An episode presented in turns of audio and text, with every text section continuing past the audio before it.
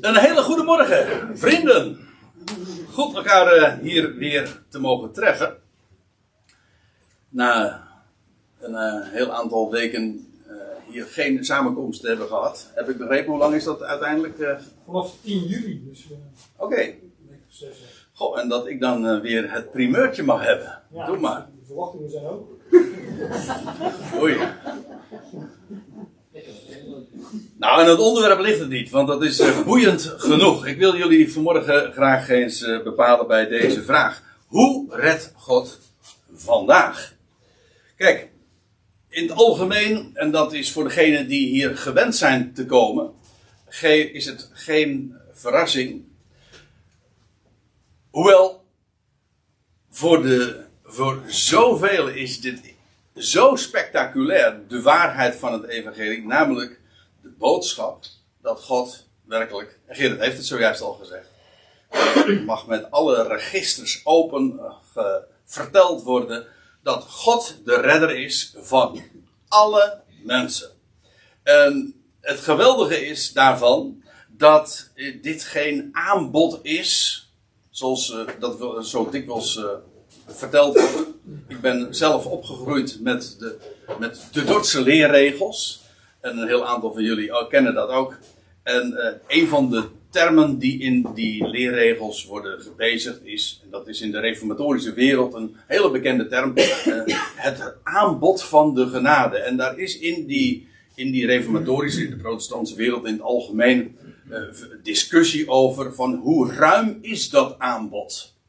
En nou ja, eh, maar ja, daar zijn mensen, eh, eh, daar zijn bijvoorbeeld in de rechterflank van de reformatorische wereld, is, is dat aanbod heel erg beperkt. En slechts de uitverkorenen, wat dat dan ook mogen zijn, mogen, wat dat zijn mogen, dat is nog weer een ander punt. Maar alleen aan de uitverkorenen mag die genade worden aangeboden.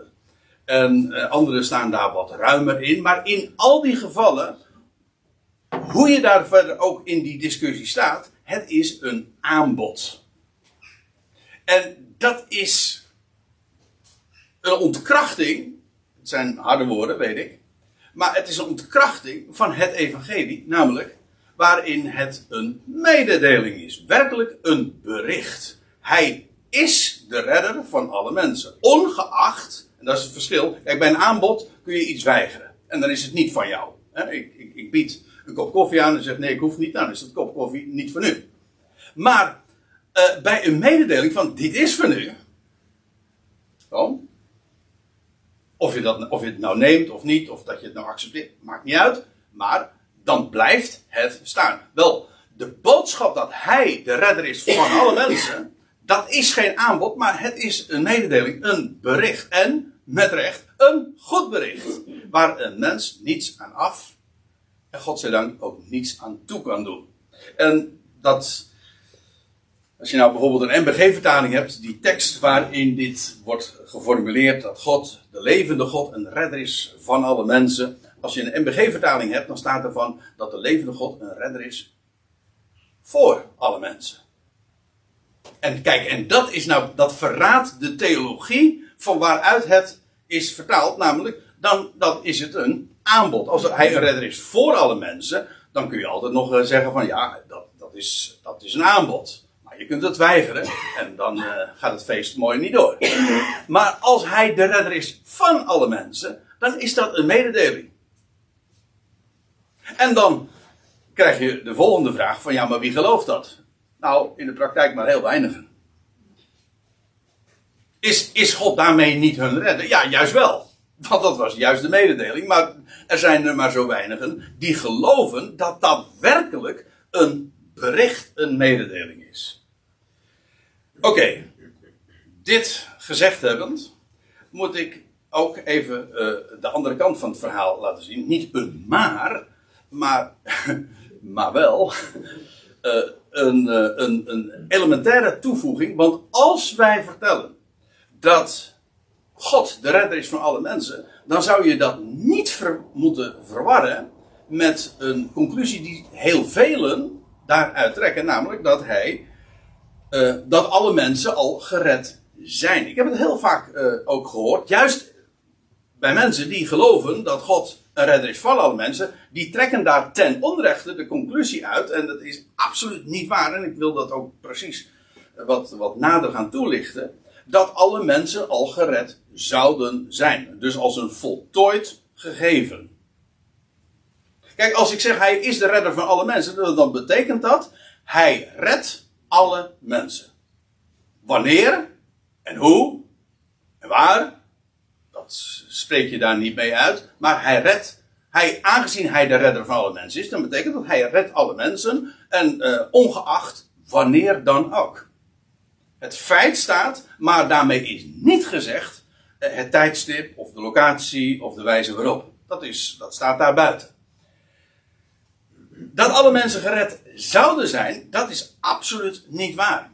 En ik wil dat vanmorgen graag ook eens uh, naar voren brengen. En dat is ook buitengewoon belangrijk om die. Uh, hoeveel was het ook alweer? 7,3 procent? Ja, ongeveer. Ja, oké. Okay.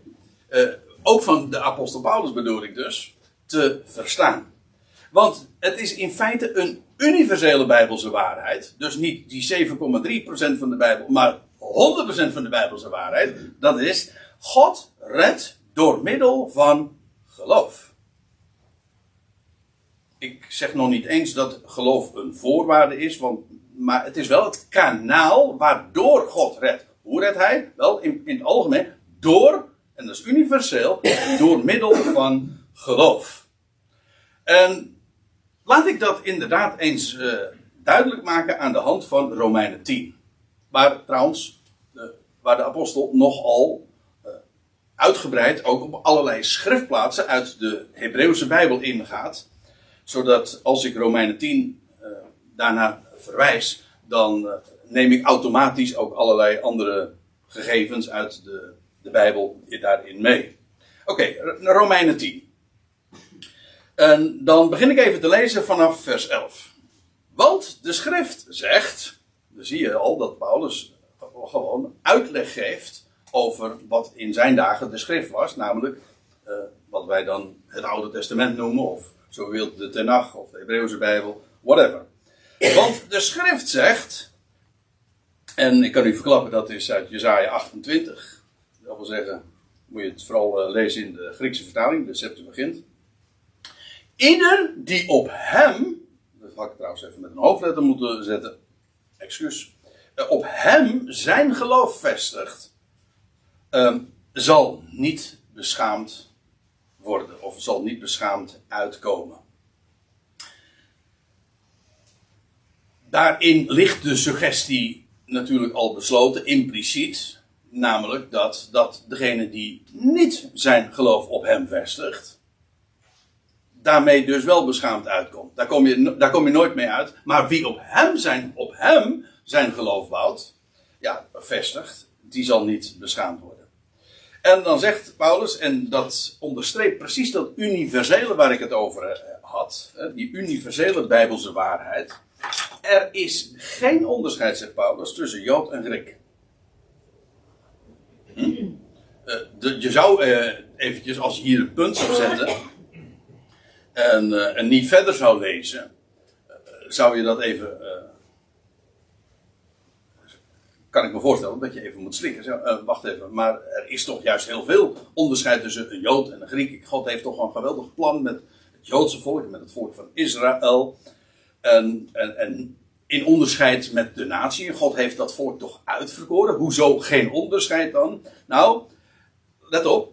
Er is in één, hoeveel verschil er ook mogen zijn. En wat het voorrecht van de Jood ook mogen zijn. En wat aan de Israëlieten ook is gegeven. Aan genadegaven. Hunner is, hunner zijn de verbonden. Hunner is de eredienst. Hunner is de wetgeving. Hunner is, nou ja, lees het maar na in. Dat is trouwens Romeinen 9, vers 4 en 5. Oké, maar als het om één ding gaat, namelijk als het gaat om geloof en het vestigen en het, geloof vestigen op hem, wel, dan bestaat er geen enkel verschil, geen onderscheid tussen een Jood en een Griek. Want, staat er, zegt Paulus dan, dat is de toelichting, want dezelfde, één en dezelfde, is Heer van allen. Van Jood en Griek. Van alle mensen namelijk. Let op trouwens, Heer van allen, want ik meen dat hier ook weer Oh nee, in de MBG-vertaling staat Heer over allen. Maar het staat gewoon in de, de tweede naamval Heer van allen. En dat betekent dus, Hij is, dat zegt trouwens Petrus ook in het huis van Cornelius, Hij is allerheer. De Heer van allen. En ja, op zich, dat is al natuurlijk de geweldige waarheid. Dat betekent namelijk, als hij Heer is, en het woordje Heer, Curios, betekent eigenlijk de, de eigenaar, de bezitter. Dat betekent dus dat als hij mijn Heer is, dan ik zijn eigendom ben. Want dat is wat het woordje Heer namelijk inhoudt. Ik ben van hem. Dat was trouwens ook, ik had het over de reformatorische wereld, maar uh, hoe was het ook alweer? Zondag 1. Die heb ik altijd nog wel onthouden. Meer trouwens nog. Wat is uw enige troost in leven en in sterven? Dat ik het eigendom ben van hem, voor mijn getrouwe zaligmaker. Nou ja, hoe het er uh, ook precies maar staat geformuleerd. Dat het, dat, wat is mijn troost in leven en sterven? Dat ik het eigendom ben van hem. Nou, dan kan ik u dit verklappen. En nu zijn we weer terug bij af. Elk mens, dat is een mededeling, is zijn eigendom. Hij is Heer van allen. Iedereen is zijn eigendom. En dat is een evangelie aan zich. En er staat er iets bij. Rijk, dat is, dat is iets anders. Hij is rijk voor allen, of tot in allen, die hem aanroepen. Kijk, dit is, zou je kunnen zeggen, om even in de terminologie te blijven, een aanbod. Hij is Heer van allen, dat is zo, zo, zo ruim als de hemel. Wijd, wijd, wijd als de zee en zo ruim als de Volkerenzee. En als, als het hemel van oost naar west. Niemand sluit dat uit. Hij is Heer van allen. Maar er staat erbij, rijk voor allen die hem aanroepen. Kijk, dat is, dat is een groot verschil. Kijk, die rijkdom wordt pas waarheid op het moment dat je daarin geloof je vertrouwen ook opstelt. En hem, zoals hier staat, aanroept. En hem zo ook dus erkent. Kijk, hij is, laat ik het anders zeggen. Dat is een, een, een, misschien een aardige illustratie. Als ik zeg, hij is de schepper van alle mensen. En van alle dingen. En van het gans universum. Dat is een mededeling. Of een mens dat nou gelooft, of dat hij dat niet gelooft, hij is jouw schepper. En de, meeste mensen geloven geen bal van. Maar is hij daar, omdat je ontkent dat hij jouw schepper is, is hij dus dan ook niet jouw schepper? Dat is toch bizar? Dat, dat is toch een waarheid die helemaal onafhankelijk is van de vraag van hoe, of jij dat accepteert of niet. Het is gewoon een mededeling. Maar ik zal erbij zeggen, het maakt een heel veel groot verschil of je dat inderdaad ook erkent. De rijkdom van de waarheid dat hij de schepper is en mijn schepper is, die wordt jou pas eigen op het moment dat je erkent dat hij jouw schepper is. Op het moment, kijk, als hij jouw schepper is, dat is hij namelijk, uh, dat is een gegeven. Maar de rijkdom daarvan zul je nooit kennen en beleven, zolang je dat niet erkent. En dat is trouwens ook de ellende van de, de meeste mensen vandaag. Ze, uh, God is hun schepper. Maar het feit dat ze dat niet erkennen, dat betekent ook dat ze al het geweldige licht dat eigenlijk van die waarheid uitgaat, missen. Dus is het donker. En dat betekent dus in feite dat ze, ja, als er geen schepper, als God niet je schepper is en je bent niet door louter toeval uh, gekomen, en je bestaan heeft dus ook geen doel, geen zin, ja, dan, dan tas je dus met recht in het duister. En dat betekent ook dat er geen toekomst voor je weggelegd is. Want er is geen schepper, alles is random en alles is gewoon aan noodlot. Dus de rijkdom van die waarheid, die zal je nooit kennen. Zolang je, het, zolang je de waarheid ervan ook niet erkent. Ziet u het, het verschil? Hij is heer van allen, maar eh, rijk voor allen die hem aanroepen. En het is, als je bereid bent daar logisch over door te denken, dan, dan, dan pak je dat ook meteen. Dat is een, een zo, zo waar als wat. En dat geldt trouwens ook voor die waarheid dat hij de redder is van allen waarheid is, staat. Maar de rijkdom ervan zul je pas kennen en beleven op het moment dat je daarop gaat staan en dat gaat erkennen en gaat beamen. Dat is het Hebreeuwse woord voor geloven. Want staat er, zegt Paulus ook dan weer, en dat haalt hij dan weer aan uit, uh, uit het boek Joel trouwens. Het staat in allerlei varianten in tal van andere schriftplaatsen ook. Ook dit is dus zo universeel. Want ieder, universeel, die de naam van de Heer aanroept. En dan ga ik er nu nog maar even voorbij aan, aan wat die waar, welke die naam dan is. Maar wie de naam van de Heer aanroept, of van Yahweh aanroept, staat er in de Hebreeuwse Bijbel, hier staat Curios. Ieder die de naam van de Heer aanroept, een beroep op hem doet, zal gered worden. Ja, en waarmee dus gezegd is dat redding plaatsvindt door middel van gelovig aanroepen. Let op, dit zegt dus de apostel Paulus, de apostel die inderdaad ook proclameert, allerwege, hiertoe arbeiden wij, hiertoe worden we geslagen, omdat we onze hoop hebben gevestigd dat de levende God en redder is van alle mensen. Die apostel, die, er, die dit proclameerde en herhoude, hij herhoude ook dat redding plaatsvindt, en dat is volledig in lijn met alles wat er in de schrift staat, redding vindt plaats door middel van geloof. En dan ga ik er ook even aan voorbij, ja, ik kan niet alles bespreken, dat geloof ook een gave gods is. Juist gisteren en vandaag had ik via Facebook daar nog weer een discussie over. Iemand die dat gewoon glashard ontkent. Uh, maar uh, ik kan het ook niet helpen. Zo zegt de apostel Paulus dat nu eenmaal. Geloof. Hè? Hoe staat het ook? Door, in, in genade zijn jullie geredden. Door, door geloof. Geloof is niet de grond. Genade is, is de grond en de, de, de, de, de basis. Maar het middel waardoor God redt is geloof. En er staat erbij: in genade of op genade zijn jullie geredden. Door geloof. En er staat erachter. En dat is een doorn in het oog van zoveel. Uh, dat en niet uit uzelf. En dan zeggen ze, ja, wat uh, niet uit uzelf, dat gaat over de redding. Nee, grammaticaal is volstrekt helder. Het gaat daar over en de redding en over het geloof. Dat wil zeggen, alles is een gave gods. De redding, maar ook het feit dat jouw ogen daarvoor open gaan. Wie opent ogen? Wie opent oren? Wie opent harten? Nou, de, het oog, dat zegt, staat er in spreuken, het oog dat ziet, het oor dat hoort, het hart dat verstaat, mag ik er dan even bij uh, aan toevoegen. De Heer heeft dat alles gemaakt. Het is eigenlijk zo hoogmoedig om te denken dat je dat van jezelf hebt. Er staat trouwens nog bij, in genade of op genade zijn jullie geredden, door geloof, dat niet uit uzelf.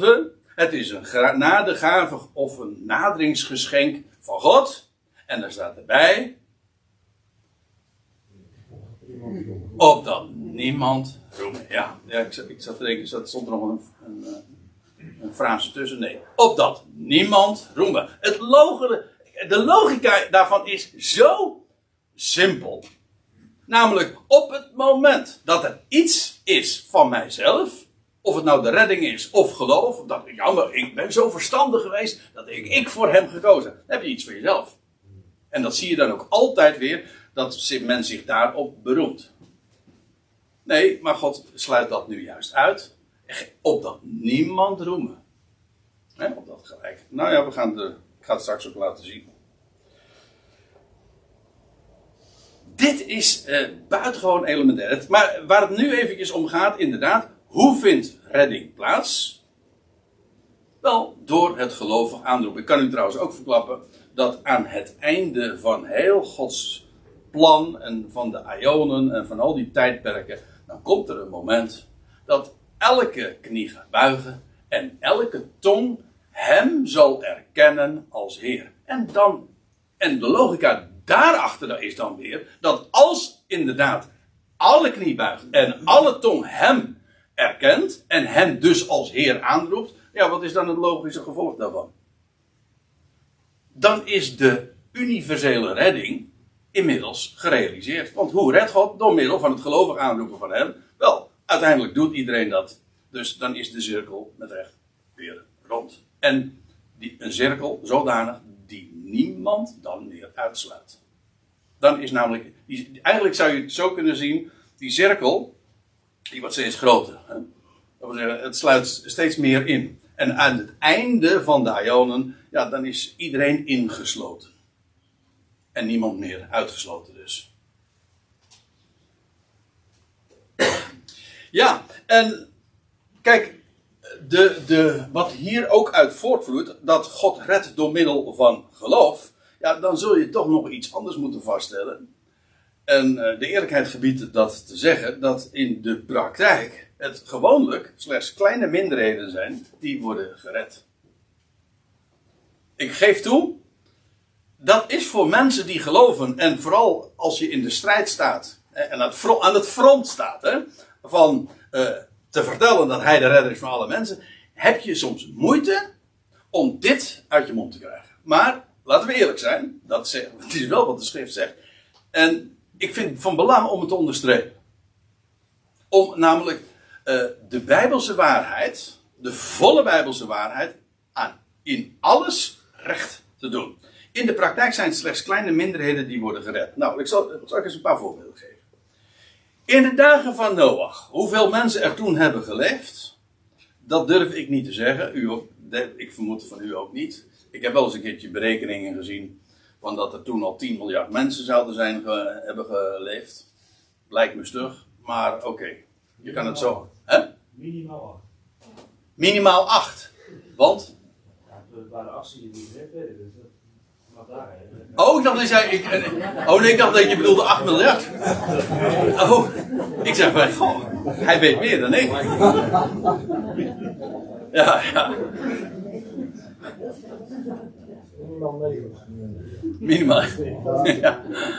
Jij denkt destructief. Nee, uh, ge geen idee. Uh, dat, dat zal vermoedelijk wel wat minder uh, geweest zijn. Maar in ieder geval, nou, je mag rustig aannemen van de 100.000, eerlijk gezegd denk ik echt in de miljoenen. Per slotverrekening, het was al in het jaar 1600, wat was het, 51 geloof ik, dat de zondvloed plaatsvond. Dat wil zeggen, van, gerekend vanaf Adam. In, in een tijd waarin de mensen ontzettend oud werden en ik mag aannemen ook enorm vruchtbaar waren. Dus dat de, de, de, de, de vermenigvuldiging toen heel erg snel en hard is gegaan, daar, daar twijfel ik eerlijk gezegd niet aan. Maar goed, het doet eigenlijk niet de zaak. Het gaat er maar om dat, en dat staat ook in 2 Petrus 2, dat van die hele wereldbevolking er maar acht zielen waren die werden gered. Natuurlijk, ik haast me er dan meteen weer bij te zeggen, want voordat je nou denkt van dat ik nu dat het voorgaande weer uh, zit weg te redeneren. Van ja, maar al die mensen die dan omkwamen daar in de zonvloed, is God dan niet hun redder? Ja, God zij dank wel. En dat betekent dat dat hun redding dus gegarandeerd is. Maar betekent niet dat zij de zonvloed hebben overleefd. Integendeel, de Bijbel zegt, de hele wereld is omgekomen, uitgezonderd acht zielen. Noach en uh, de zijnen. Nou ja, de acht zielen van de, wereld, van de menselijke wereldbevolking. Want die dieren uh, waren er natuurlijk ook nog een aantal bij. Dat waren ook zielen trouwens. Maar uh, u begrijpt uh, de hint. De, gedachte is van op die hele wereldbevolking waren het acht zielen die tijd gered werden. God had gezegd, ik ga redden. Ik zeg het eventjes parafraserend. En door dat houten schip wat Noach moest maken. Dat was eigenlijk de boodschap. En hij heeft dat demonstratief gedaan. En nou, daar was de redding. En als je in die, als je in die ark was, ja, dan, dan zat je met recht safe. Gered, hè? En daarboven, en safe, ja, met z'n achten. Oké. Uh, en daarbuiten dus niet. Uh, lekker, dan gaan we nog even verder in de geschiedenis. In de dagen van Lot. Oké, dan hebben we het niet over de hele wereldbevolking. Dan gaat het over, uh, over het zuiden van wat tegenwoordig de Dode Zee heet. Waar de steden, waar hele, uh, al die steden, die zijn allemaal volledig verwoest. Sodom en Gomorra zijn de bekendste. En in de dagen van Lot waren het slechts drie zielen die daaruit werden gered. Nou, je zou kunnen zeggen vier. Maar met nummer vier ging het uiteindelijk ook niet goed. Ik bedoel, op Lots vrouw, ja. Die, hè? Daar liep het een beetje zout mee af. Ja, echt, ja. Ongezouten, ja, dat waar. En, ehm ja. Maar, er zou, eh, dus eh, Lot en zijn beide dochters. Maar ik bedoel maar dit te zeggen. Dus die hele bevolking kwam toen om. En het waren slechts drie, vier zielen die eh, werden gered. Nou, nog eentje. Toen Israël uit de woestijn, nee, eh, uit Egypte geleid werd. Toen kwam zelfs een hele generatie om in de woestijn. Ze zouden, zo, linea recta, dat had een kwestie van hooguit twee jaar geweest. eh, hadden ze in het beloofde land terechtgekomen. En dan kwamen er 38 jaar erbij. En niemand van, eh, van die generatie die uittrok, is in het beloofde land aangekomen. Op twee zielen na. Dus heel, dus, eh, Paulus zegt dat trouwens in 1 Corinthië 10. Dan zegt hij van, eh, God had in de meerderheid van hen geen behagen staat. dan. Nou, de meerderheid, dat is eigenlijk een eufemisme hoor. Want in de meerderheid, eigenlijk het kwam namelijk eh, op neer, in de praktijk niemand. Op twee na dan. Hè? De overgrote meerderheid is ge- omgekomen in de woestijn. Was ook aangekondigd. Waren slechts Joshua en Caleb die inderdaad. Maar altijd weer, de uitzondering is gelegen niet of mensen netjes waren, want neem me niet kwalijk, eh, ga, ga het leven van Lot maar eens na. Eh, die zou niet, zeg maar, onder de, de fatsoensnormen, zeg maar, van ons eh, vallen. En, nee, maar het was geloof. Ik bedoel dat ook niet als verdienste, maar als God zegt: Zus, ga daaruit, want hier ben je niet veilig. Ja, dan kun je er donder op zeggen dat je inderdaad niet veilig bent als je in die stad blijft. Dus als Amen zeggen op zijn woord, dat is wat Lot deed. Was het beter? Was het zo'n. Nou ja, je leest trouwens wel, hij heeft zijn rechtvaardige ziel eh, gekweld. Maar ik bedoel, ik bedoel dit te zeggen. God wijst iets aan en geloof zegt daar amen op. En slechts wie gelooft, amen zegt op zijn woord. Wel, die is inderdaad veilig. Ik, ik ga nu, we hadden het over de woestijnreis. Dan gaan we naar Jericho's verwoesting. Dat was dus, toen was het volk vervolgens, na die 40 jaar komen ze aan in Jericho. En de hele stad, die werd verwoest op één uitzondering na. Namelijk het huis van Rahab. Rahab niet. En allen die eh, in dat huis, had God, ook dat was van tevoren gezegd. Slechts in dat huis, in heel Jericho, ben je veilig. En eh, ze heeft de ouders, eh, verwanten, de familie, eh, heeft ze uitgenodigd. En wie daar eh, op inging, wel, die, die zat daar dus in dat huis. Kwam inderdaad. die is niet omgekomen. Ik bedoel, kijk, ik, ik, zeg nu maar enzovoort. Want bedoel, de lijst kunnen we natuurlijk heel erg lang maken. Het gaat mij om het principe dat God redt door middel van geloof. Dat is één ding. En in de tweede plaats, in de praktijk betekent dat een kleine minderheid. Ga maar na. Ik ken er eigenlijk geen uitzondering op. Dat is altijd de gang van zaken. Het is slechts inderdaad een kleine minderheid die rekent met zijn woord. En de meerderheid die vult, vult dat zelf in. Nou, en dat brengt mij. Eigenlijk is dit, alleen nog een inleiding, moet je nagaan. Nee, don't worry. eh, maar ik, ik, ik wilde eigenlijk naar 1 Korinthe 1, vers 21. Nou, daar ga ik nu ook inderdaad naartoe. Maar ik wilde deze opmerking van tevoren toch even zeggen, om, om daarmee eigenlijk ook even de, het in, in wat groter perspectief te plaatsen. Paulus, die schrijft de, in de Korinthebrief, ja, de Corinthiërs aan. En dan, eh, dan vertelt hij, dat wat hij in Korinthe had gedaan. Hij, kwam, hij was met vrezen en beven daar gekomen. Dat lees je in 1, hoofdstuk 2, vers 1. En eh, ja, want die Korinthe was net als de stad Athene. Het ligt trouwens een kilometer of 70, 80 van elkaar vandaan. Dus. Maar Korinthe was net als in onze dagen eh, Athene. Dat heeft nu dan vooral de reputatie. Maar ook eh Korinthe viel daaronder. Dat was een stad van filosofie. Waarin de wijsbegeerte een zeer hoog werd aangeslagen. Nou, toen kwam Paulus daar in Athene.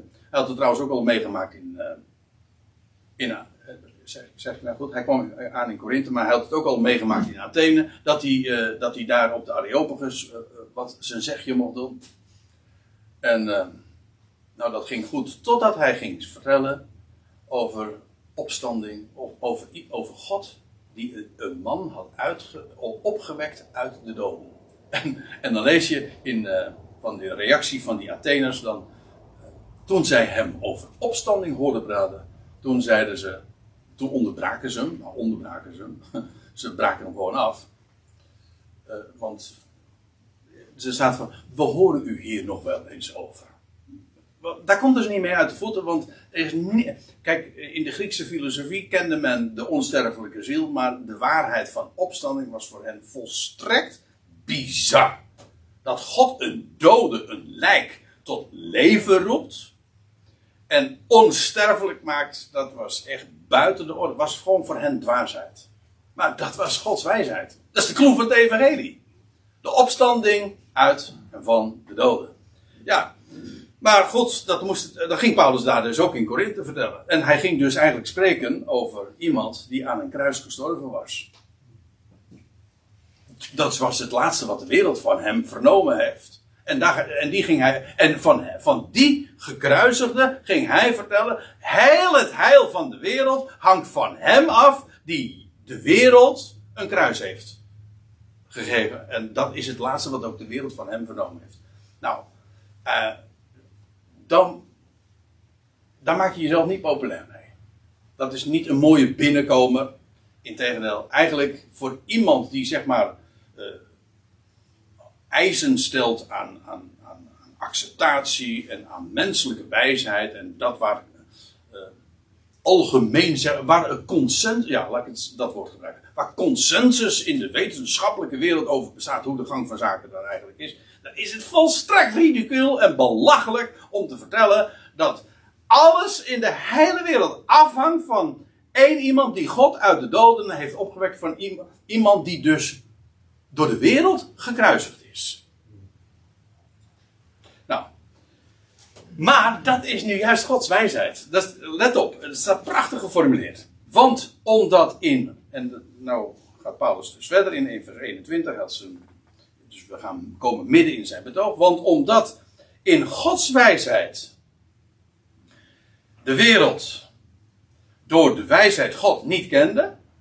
Dat is een zin waar je eventjes eh, goed even bij stil moet staan. Want zomaar, het kan je zomaar overkomen, dat gebeurt vaker bij Paulus, uh, dat je de kloe dan ontgaat. Het, in Gods wijsheid, het is Gods wijsheid, dat de wereld met haar wijsheid, kijk, de eerste wijsheid is echte wijsheid, dat andere wijsheid, de wijsheid van de wereld, dat is wijsheid tussen aanhalingstekens. Dat wil zeggen wat zij als wijsheid ervaart of beleeft of, of als wijsheid aanmerkt. Maar de, de wereld heeft uh, door de wijsheid, of door haar wijsheid, God niet gekend. En, dit staat in de, in de verleden tijd. En in feite doelt het ook, ook inderdaad op een historisch feit, namelijk het kruis stond in Jeruzalem. Nou, als er één plek is op de hele aarde waar werkelijk wijsheid woonde, of zou wonen, moet ik het eigenlijk zeggen, dan was het Jeruzalem. Niet eens Athene. Ja, Athene, oké, ik zei al, Athene, Korinthe, dat waren de steden van wereldse wijsheid. Maar nu eventjes, als het gaat over de echte wijsheid, de wijsheid van God, ja, waar, waar woonde dat? Nou, ik citeer nog maar een keer wat uh, Paulus zei in de Romeinenbrief. Uh, aan wie zijn de woorden Gods toevertrouwd? Kortom, waar is werkelijk wijsheid? Aan de Joden.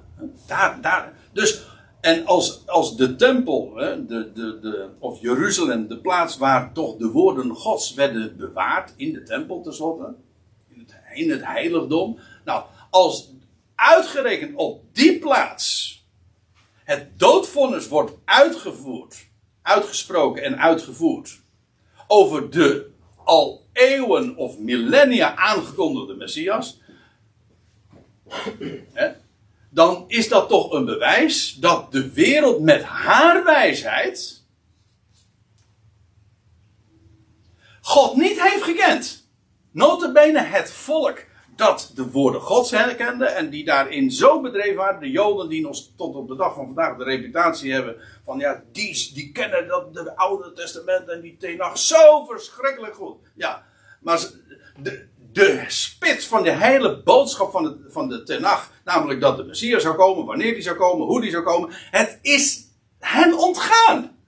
En sterker nog, zij hebben hem overgeleverd om te worden gekruisigd. Zodat niet alleen de Joden, maar ook nog eens een keertje de wereld, de Romeinse wereld, eh, daar helemaal in meegegaan is. Het bewijs is geleverd. De wereld met haar wijsheid, dus aanhalingstekens, of, of voor mij wat wel echte wijsheid, heeft God niet daardoor gekend. Maar nou komt het. Dat is het feit dat de wereld. Nou moet u even eh, goed luisteren. Het feit dat de wereld God met haar wijsheid niet kende. Dat is Gods wijsheid. Zo staat hier. Het is God, in Gods wijsheid is het zo dat de wereld door de wijsheid God niet kende. Dat is dus design. Het is zijn wijsheid om het zo te beschikken dat de wereld, het, zeg maar, de, de crème de la crème van de wijsheid, waar verstand is, waar geacht wordt goed, waar, waar, mensen bij zinnen zijn en waar ze geleerd zijn. Kortom, alles wat je maar, uh, onder, wat je maar kan samenvatten onder het kopje wijsheid. Wel, als op die plaats, waar dat zou wonen en waar dat zou. Waar dat geacht wordt uh, aanwezig te zijn, als daar God uitdrukkelijk niet wordt gekend. Dit, dat is een gegeven. Het is Gods wijsheid dat dat inderdaad zo gegaan is. En dat dat zo is, kan ik trouwens ook nog bewijzen. Want dit was in die Hebreeuwse Bijbel ook aangekondigd. Trouwens, uh, ja, dat staat ook in de, er staat ook in, de, in Jezaja al aangekondigd dat, uh, nou ja, de, de steen die de bouwlieden, nee, dat is trouwens niet uh, psalmen, de steen die de bouwlieden hebben afgekeurd, die heeft God tot een hoeksteen gemaakt. Maar de bouwlieden, die zou hem afkeuren. En uh, in Jezaja 29, verderven zal ik de wijsheid van de wijzen en van de verstandigen, ik zal het niet doen. En ze zullen de Bijbel, en, dan staat er, en dan staat er in Jezaja 29 nog bij van, uh, het zal zo, God sluit de Bijbel voor hen toe. En dan, hij zegt, en het is net als iemand aan wie je een, aan een blinde, aan wie je een boek geeft en zegt van, lees dat eens voor. En ja, ik kan niet lezen, want ik ben blind. Ja, precies. En dus, nou, hij zegt, zo zal het, zo zal de, zo zal het woord van God voor hen worden. Ze, ze, kunnen het niet begrijpen. Het is toegedekt. Er, is, er ligt, ook dat is de Bijbel, er ligt een bedekking op. Dit was allemaal plan. Zo moest het zijn. Omdat in Gods wijze de wereld door de wijze God niet kende. Oké, het is een ingewikkelde zin. Maar als, je, als het kwartje valt, dan is dit echt enorm. En ik, ik lees verder. Daarom behaagt het God, wat vrij oud-Nederlands is, voor, om te zeggen: God heeft er een plezier in, dat is wat behagen is. God heeft er aardigheid in, als, ik, maar als u de volken geeft aan in verband met God, eh, om te zeggen van welbehagen of behagen, oké. God heeft er een behagen in om alle eigen wijsheid, en ik, heb even geaarzeld, moet ik een spatie tussen beide woorden plaatsen of niet? In beide gevallen geeft het een goede zin. Eh, de, de eigen wijsheid van de mens. Maar eh, eigenlijk, het komt erop neer, alle eigen wijsheid van de mens. Dat wil zeggen, het, dat bedweterige, beter weten. In feite, alles wat de wereld wijze noemt, dat beter weten. Het feit dat de wereld zegt van, er is geen God. En we zijn nu in de wetenschap zo ver gekomen dat er uh, wat is het, 13,4 miljard jaar geleden, door alles een explosie is. Dus je dus je aangenaam kennis te maken. Weet je, dat, dat is de wijsheid van de wereld, dat dat zo gegaan is. Het is bizar natuurlijk. Maar is wel, maar dat is de eigen wijze. Ja, als je, het is trouwens heel logisch dat je daar aankomt, want op het moment natuurlijk dat je afspreekt van ja, maar we sluiten God uit, want we gaan alleen maar uit van wat we kunnen zien. Ja, dat en aangezien God er onzienlijk is, heb je hem dus op voorhand al in je onderzoek al buitengesloten. Dan moet je er natuurlijk niet gek van op staan kijken dat je hem uiteindelijk ook niet in je conclusies meer tegenkomt. Je hebt hem vooraf namelijk al inderdaad buitengesloten. Dat is bij eigen wijsheid. De eigen wijsheid. God heeft er een plezier in, behaagt het, om alle eigen wijsheid, maar ook alle eigen dunk. Hè? Dus het, het, het idee van wij kunnen het, niet alleen maar wij weten het beter, maar wij kunnen het ook beter. En wij zijn zo goed. Of eigen gerechtigheid, dat is vooral de religieuze variant. Wij zijn beter dan die anderen, want eh, wij doen dit op de zondag niet. Van naar de juiste kerk. Wij gaan naar de juiste kerk. Ik heb gekozen voor hem. Ja, allemaal religie. Dat is eigen gerecht. Op het moment dat je daaraan eh, rechten ontleent, van, omdat jij iets gedaan hebt, dat is allemaal eigendunk, eigen wijze, eigen gerechtigheid. Kortom, Werken. bullshit. Ja, dat is hetzelfde trouwens. Ja, echt. Ik, ik zeg het zo, maar dat is precies, Paulus zegt ook, het is, ik acht het voor vuilnis en drek. Dus als u vindt, u, eh, zich, eh, als u vindt dat mijn woordkeuze eh, niet zo terecht is, dan verwijs ik graag naar Filippenzen 3. Schade en drek. Maar God wil, dat, God wil dat nou allemaal te kijken zetten. Dat is de clue van het evangelie. En het behaagt God, ik lees hem verder, om door de dwaasheid van de prediking. Ook hier moet je weer dwaasheid tussen aanhalingstekens zetten. Wat de wereld als dwaasheid aanneemt. Het is namelijk Gods wijsheid. Maar door de dwaasheid van de prediking. te redden hen die geloven. De prediking, dat, het, het Griekse woord is eh, kerugma. Dat betekent de proclamatie. Het is een herautboodschap. In feite ook weer een mededeling. Een heraut is iemand die iets aan publiek meedeelt. Dit of dat is eh, daar gebeurd. En die dat wereldkundig maakt. Dat is een heraut. Het is dus niet eh, bij, bij het woord. Ik heb. eh vorige week had ik daar nog een gesprek over met iemand. Het ging over preken. Nou, het ging over onze jongens die. die waren iemand tegengekomen die hadden, wat, doet jouw vader? Jouw vader preekt toch, hè? Jouw vader is predikant. Ja, toen, moest ik dat uit gaan leggen, dat was nog ingewikkeld. Want ja, als je predikt ben je een prediker, maar ben je dan ook een predikant?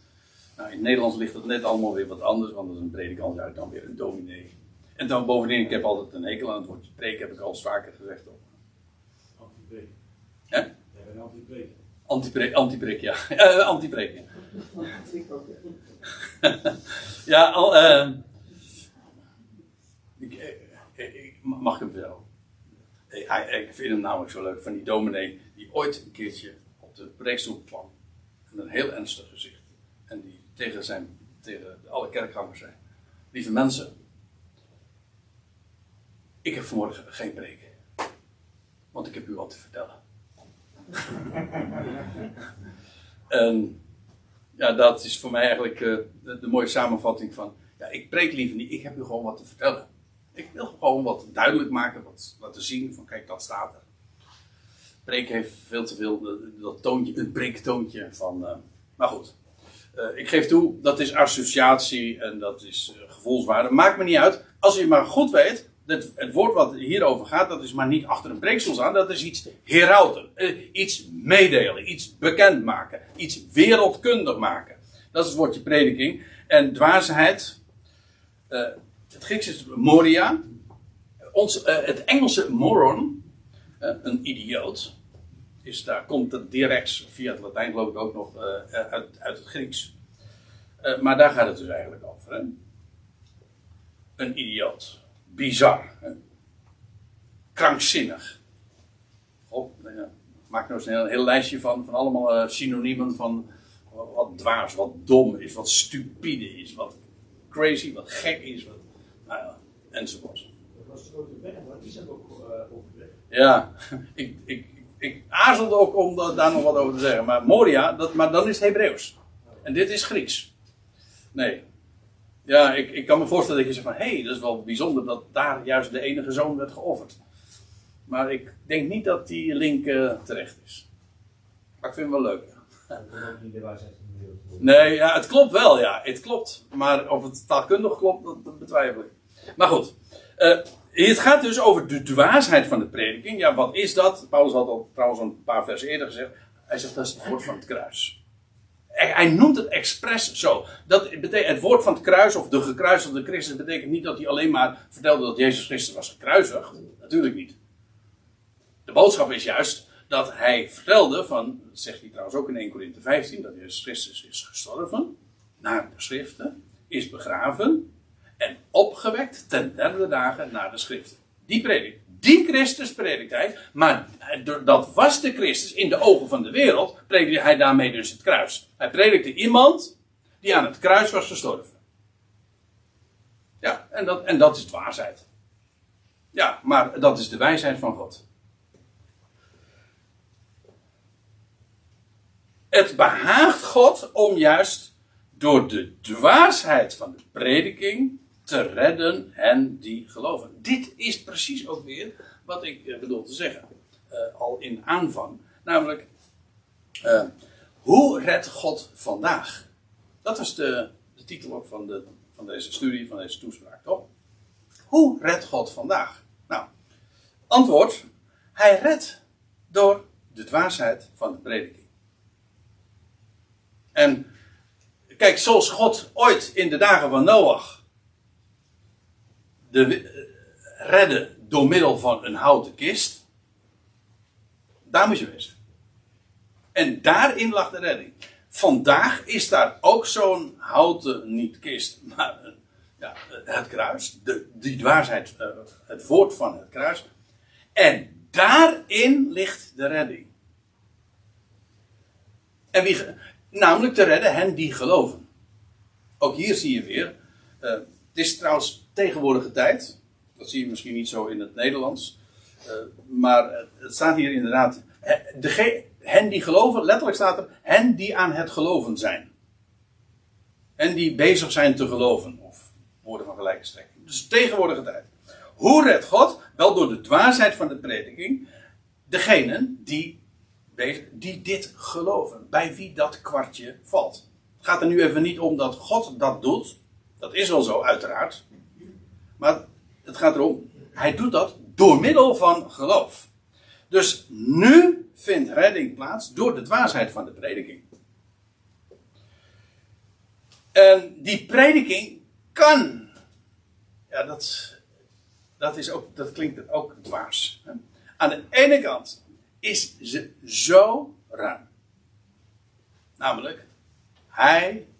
Ja, je wijst op het kruis, je wijst op de gekruisigde Christus. En zegt van, in hem, door één mens, door één daad, wordt heel de wereld gered. Zoals door één daad en door één mens alle mensen zondaren zijn en stervelingen, zo ook door één daad en door één mens worden alle mensen gerechtvaardigd van leven. Dat is de Romeinenbrief. Dat is de boodschap. Maar dat wil zeggen, de rechtvaardiging, de verzoening, de levendmaking is gegarandeerd van iedereen. Maar hoe redt God vandaag? Wel door die prediking. En degene die geloven. En nou komt het punt. Wie geloven dat? Bijna niemand. En zij die geacht worden het te vertellen. Je zou zeggen, nou, bij de christenen, die, die weten van het kruis en die weten van Jezus Christus. En die vertellen dat dus. Ja, ik moet het. Ik kan niet. Ja, ik, ik moet het zo zeggen. Die ontkennen het juist. Nou, laat ik het anders zeggen. Niet juist. Zij ontkennen het net zo. Alleen waarom het zo tricky is en zo een fataal is. eh, in het geval van het christendom. Is omdat zij geacht worden te weten. wat het evangelie is. Hè? Als, je, ja, als je mensen vraagt van ja, wat is het evangelie? Ja, dan moet je naar de dominee gaan. Of moet je in een kerk wezen. Moet je maar naar de pastoor of weet ik van wie het naartoe gaat.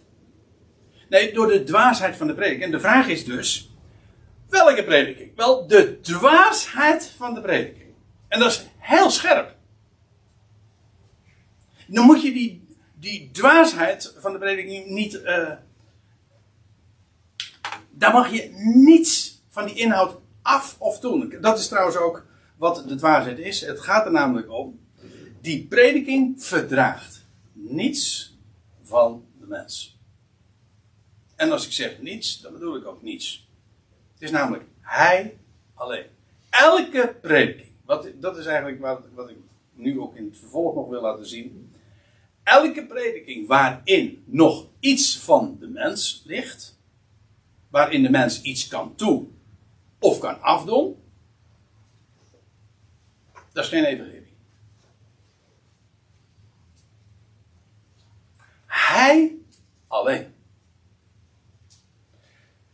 In feite ligt dat ook al besloten in uh, waar, ik het, waar we het in het begin over hadden. Hij is de redder van alle mensen. Speciaal van hen die geloven. Die bezig zijn te geloven. Wat te geloven? Nou, dat woord natuurlijk. Die boodschap is zo radicaal. En ook zo scherp. En zo alomvattend. Dat het er bij bijna niemand in wil. Want we willen allemaal toch iets nog van de mens hebben. En dat, dat is fataal voor die boodschap. Daarom is het zo enorm elementair. Om inderdaad de dwaasheid van de prediking te etaleren. Want zo redt God. Ik lees even verder. Ik uh, sla een paar versen over en dan ga ik uh, door naar vers 25. Ik heb helemaal geen tijd uh, hier bij de hand, dus ja, ik, ik kan doorgaan tot.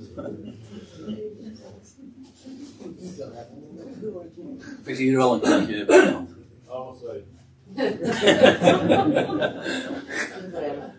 Ja, die, wilde, die wilde ik er een punt achter zetten. Nou ja, ik, uh, ik doe het maar eventjes op de tas dan, zal ik maar zeggen. Uh, vers 25, 1 Korinthe. Want het dwaze van God. We weten inmiddels waar dat over gaat. Dan gaat het over het woord van het kruis. Dat is wijzer dan de mensen. En het zwakke van God, wat trouwens ook het kruis is, dat is sterker dan de mensen. Want, ja, hoezo uh, dat zwakke? Wel, er staat trouwens in 2 Korinthe 13, vers 4. Hij werd in zwakheid gekruisigd. Dat was het toch? Het feit dat hij stierf en gekruisigd werd. Dat was toch zwakheid? Ja, maar hij werd gekruisigd in zwakheid. En dan staat erbij. En hij leeft in de kracht Gods. Want dat is nu juist de truc, als ik het zo mag zeggen, van het Evangelie. Hij die gekruisigd werd, drie dagen later, wekte God hem op. En zo bleek het zwakke van God, namelijk hij werd gekruisigd, juist de weg te zijn tot de kracht Gods en een kracht dat sterker is dan wat dan ook van een mens. Want uh, wat een mens ook allemaal kan presteren, één ding kan die niet, en dat is de dood voorbij. De dood uh, overtreffen. De dood is al voor elk mens het plafond, een muur. Verder kan je niet. Daar loopt elk mens, uh, wie die ook is, in al zijn wijsheid en al zijn vermogen en al zijn kracht. Een mens, ja, maar een sterveling is die. Dat kan je nooit ongedaan maken. Wie je ook bent, hoeveel geld je ook hebt, en hoeveel titels je ook hebt vergaderd in, in, in, je, in je leven. Ga je toch. Kijk, maar het zwakke van God. Het kruis is daar in feite het embleem van. Trouwens, ook, het is ook het embleem van dwaasheid. Een executie. Hè? Iemand die dus geëxecuteerd door de wereld. En juist daar in Jeruzalem werd hij gekruisigd. En toen, en via die weg bewees God dat het zwakke van hem en het dwaze van hem sterker en wijzer is dan wat dan ook van de mensen. Ja. En waarmee God dus bewijst en etaleert dat de wijsheid van de mens en zijn kracht en, zijn, en al- alles waar hij mee pronkt, voor hem niets voorstelt. Hij passeert het, hij gaat daar omheen, het, hij heeft er niks mee van doen. En dat is, eh, daar gaat het op. En dan staat er hier ook achter, opdat geen vlees zich zou beroemen in het zicht voor het oog van God. Daarom. En hier, ja, dit is de angel van de boodschap. Het geeft namelijk aan dat het genade is. Niets van de mens. Kijk, op het moment dat je. Ik, ik, al even al eerder hadden we het erover naar aanleiding van Efeze 2, maar ik moet het nu eigenlijk opnieuw weer bevestigen. Hier staat namelijk ook zo volstrekt helder. Dat alles van de mens eh, voor God totaal niet de zaak doet. Het, het is de boodschap van de genade Gods. Het is volstrekt om niet. Allen hebben gezondigd en derven de heerlijkheid Gods. En worden om niet gerechtvaardigd door zijn genade. Romeinen 3, vers 23 en 24. Om niet. Dus zonder iets van de mens. En nou, het, geweldige daarvan vind ik niet alleen maar dat de mens daar niks aan bij kan dragen. Ik vind het misschien minstens zo mooi dat de mens er ook helemaal niks aan af kan doen. En het zou, eh, of Romeinen, dat is de Romeinen, ook Romeinen 3. Zou het ongeloof van de mens het geloof van God te niet doen? En dat zij verre. Kijk, geen vlees zou zich beroemen in het zicht van God. En dat is wat God nu juist door de dwaasheid van de prediking laat zien. Niets van de mens. En dan begrijp je ook waarom het fataal is dat in een prediking, waarin een mens nog wel enige roem heeft, vanwege iets wat hij gedaan heeft, of wat hij van mijn part niet gedaan heeft, of eh, de evangelische variant waar ik vooral eh, vertrouwd mee ben, en wel meer van u kennen dat ook, zoals dat dan verteld wordt, mijn keuze. Mijn geloof. Dit is, dit is, eigenlijk, nog, nog scherper. Dit is nog erger, dit is veel erger feitelijk dan, eh, dan de boodschap van moslims of van boeddhisten of weet ik van welke religie. Waarom? Omdat dit doorgaat voor evangelie. En dit wordt allemaal verkocht als zijnde de boodschap van Jezus Christus. Nee, dat is het niet. Het is juist de boodschap van Jezus Christus is, het is volbracht. Hij heeft alles volbracht.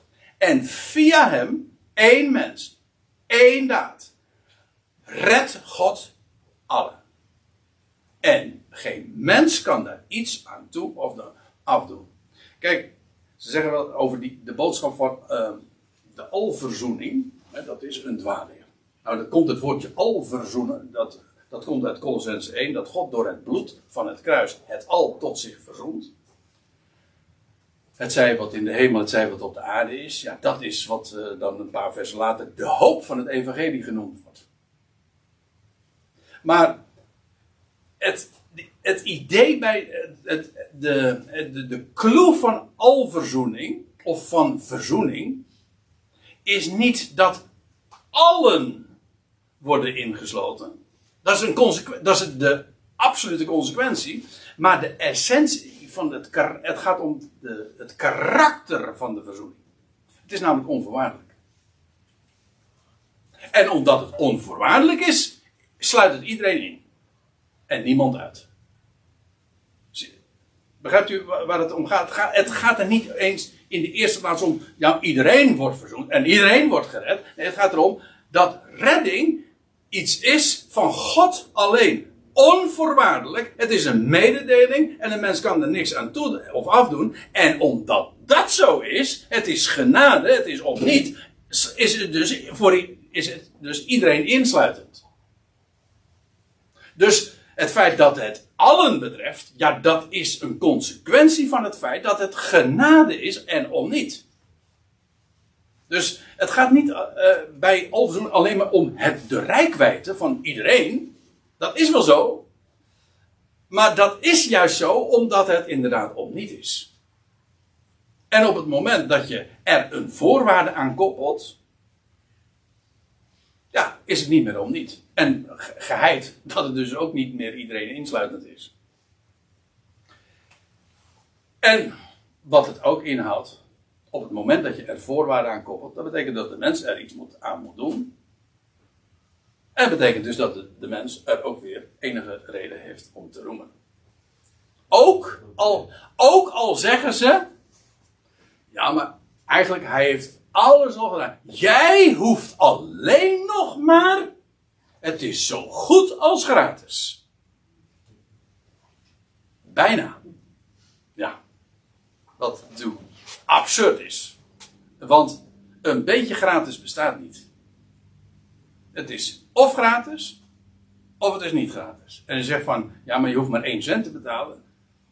ja, en? Dan heb, je het, dan heb je het evangelie goedkoop gemaakt. Maar het is niet goedkoop. Het is gratis. En het is een mededeling. Gewoon. Hij is jouw Heer, hij is jouw schepper, hij is jouw redder. En dus heeft geen vlees roemen. En het, nou, nou lees ik even verder. Maar vanuit hem, en wie is die hem? Dat is God. Dus, hè? Maar vanuit hem, vanuit God is het dus, dat jullie in Christus Jezus zijn. Hoe komt het dat ik in Christus Jezus ben? Antwoord, dat is vanuit hem.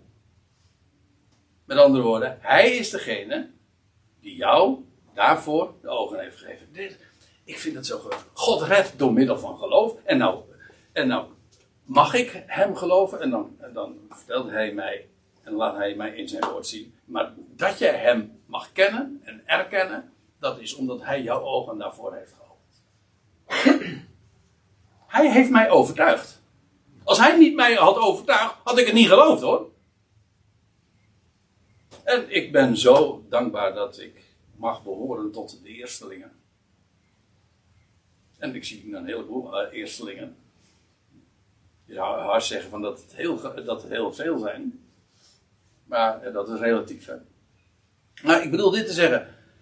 Uh, ja, ik vind dat zo, zo, zie je dat overal in de natuur ook van. Uh, ja, als dan het lente wordt en de eerste bloemetjes die komen dan uit. Ja, dat zijn de eerstelingen. Hè? Of een bepaalde soorten, bepaalde boomsoorten, bepaalde bloemen, type bloemen. Of, uh, nou, in de natuur dat wat geboren wordt. Dat zijn eerstelingen. De rest komt ook. Maar het is een geweldig voorrecht als je bij de eerstelingen mag behoren, want dat is in de Bijbelse uh, altijd het universele principe. Uh, al het eerste, dat is voor mij en krijgt de hoogste bestemming. Dus ja, ook dat is dus een wonder boven wonder of een genade op genade. Vanuit hem is het dat jullie in Christus Jezus zijn, die van God wijsheid voor ons werd. Aha. Hoe komt het dat hij wijsheid voor ons werd? Omdat ik zo wijs ben? Nee, dat staat hierbij. Hij, hij werd voor ons wijsheid omdat dat vanuit hem is en omdat hij ons daarvoor het zicht heeft gegeven en de ogen heeft geopend. Die van God, van God wijsheid voor ons werd. En er staat erbij bovendien rechtvaardigheid, heiliging en verlossing. En ik versta het zo, dat is verleden, heden, toekomst. Dat wil zeggen, we werden, toen we gelovig werden, gerechtvaardigd. Door geloof gerechtvaardigd. En we worden vandaag geheiligd. Ook dat is zijn werk. En de verlossing, en dan lees ik dit als de verlossing, de vrijkoping van ons lichaam, dat is toekomst. Als ons lichaam wordt verlost. Dat is, dat is, nog, dat is nog toekomst. Dus we worden gerechtvaardigd door geloof. We worden vervolgens in het heden geheiligd door hem. Dat wil zeggen, hij maakt ons heilig. Hij hervormt ons denken door zijn woord. Hij geeft dat. Het is puur om dit. Als je de tekst zo leest, dan lijkt het erop dat deze Christus Jezus de heiligheid voor ons werd, zeg maar. Dat hij de onheiligheid is. Hmm. Is dat iets wat aan ons gedaan wordt? Um, ja, maar de, de, uh, het punt is, die rechtvaardigheid, heiliging. En uh, ik moet misschien eventjes voor, uh, voor degenen die thuis kijken of laten meeluisteren. de, de vraag nog even toelichten. Eh, er wordt hier opgemerkt dat die rechtvaardigheid, eh, of dat hij die heiliging nu al is. Hè? Voor ons. Ja, dat is hij ook. Christus Jezus is, is Gods wijsheid. En dat is een, dat is een, dat is all-inclusive. Dat is een totaalpakket. Dat wil zeggen, in hem hebben wij rechtvaardigheid, heiliging en verlossing. Dat werkt zich uit in, wat ons betreft, in het verleden de rechtvaardiging. En nu worden wij geheiligd. En straks, als het eindpunt, zeg maar, eh, op deze aardse reis, dan wordt ons lichaam verlost. Het zij door opstanding, het zij doordat we in een punt destijds veranderd worden. Maar in ieder geval, dan wordt ons lichaam verlost. En dat is allemaal van hem. Ja, wat het laatste betreft denk ik, ja, dat is nogal wieders. Ik, ik, mijn lichaam kan ik niet verlossen. Nee, maar dat geldt voor die rechtvaardigheid ook. Eh, voor, eh, voor rechtvaardiging. Dat, moet hij, dat doet hij. En God rechtvaardigt. De goddelozen. Ja. Hij rechtvaardigt door geloof. En ook, dat geldt ook voor de heiliging. En doordat ik mag geloven en in het feit dat hij mij heiligt. Zo heiligt hij mij. En dus danken wij God voor alles wat hij geeft. En we hebben niets van onszelf. En als het ons nou helemaal uh, nog ontgaan mocht zijn, dan herhaalt Paulus dat. Opdat het zij, en zo eindig ik dan ook maar, zoals het is geschreven. Universele Bijbelse waarheid. Die roemt, dat, dat kan Je kan wel roemen, maar dan in hem. En dus totaal niets van ons. Nou, dat was eigenlijk uh, wat ik vanmorgen graag met jullie wilde delen. De geweldige rijkwijde van het evangelie. En de waarheid daarvan. En hoe eh, de, deze boodschap, dat er niets van de mens is. Ik hoop dat dat in ieder geval overgekomen is. Dat er niets van de mensen bij kan komen. Maar ook dat de mens er niets aan af kan doen. Dat is de angel, de spits van de boodschap. En dat is wat we mogen uitdragen. En lieve mensen, wees daar zuinig op. Want er wordt van allerlei, via allerlei wegen, worden we erop gewezen van ja, uh, laten we. Uh, dit, dit, uh, deze boodschap ligt erg gevoelig in de christenheid. Ik, ik recentelijk ben ik er nog weer achter gekomen. Ik ga geen voorbeelden geven. Maar ja, dit ligt erg gevoelig. Uh, dit is een aanstoot, zo moeten we het niet vertellen. We zeggen iets vriendelijker. Lieve mensen, ik kan het niet vriendelijker vertellen. En ga dit ook niet, ja, nou ga ik het raar zeggen. Ga dit ook niet vriendelijk zeggen. Ja, ik bedoel, het is een geweldige blijde tijding, maar doe hier nooit wat van af. Want de waarheid is zo geweldig, juist omdat ze scherp is. En op het moment dat je water bij de wijn doet, hou je limonade over. God en God alleen. God en God alleen. Ja, zo is dat. Zullen we het daarbij laten voor, uh, voor vanmorgen?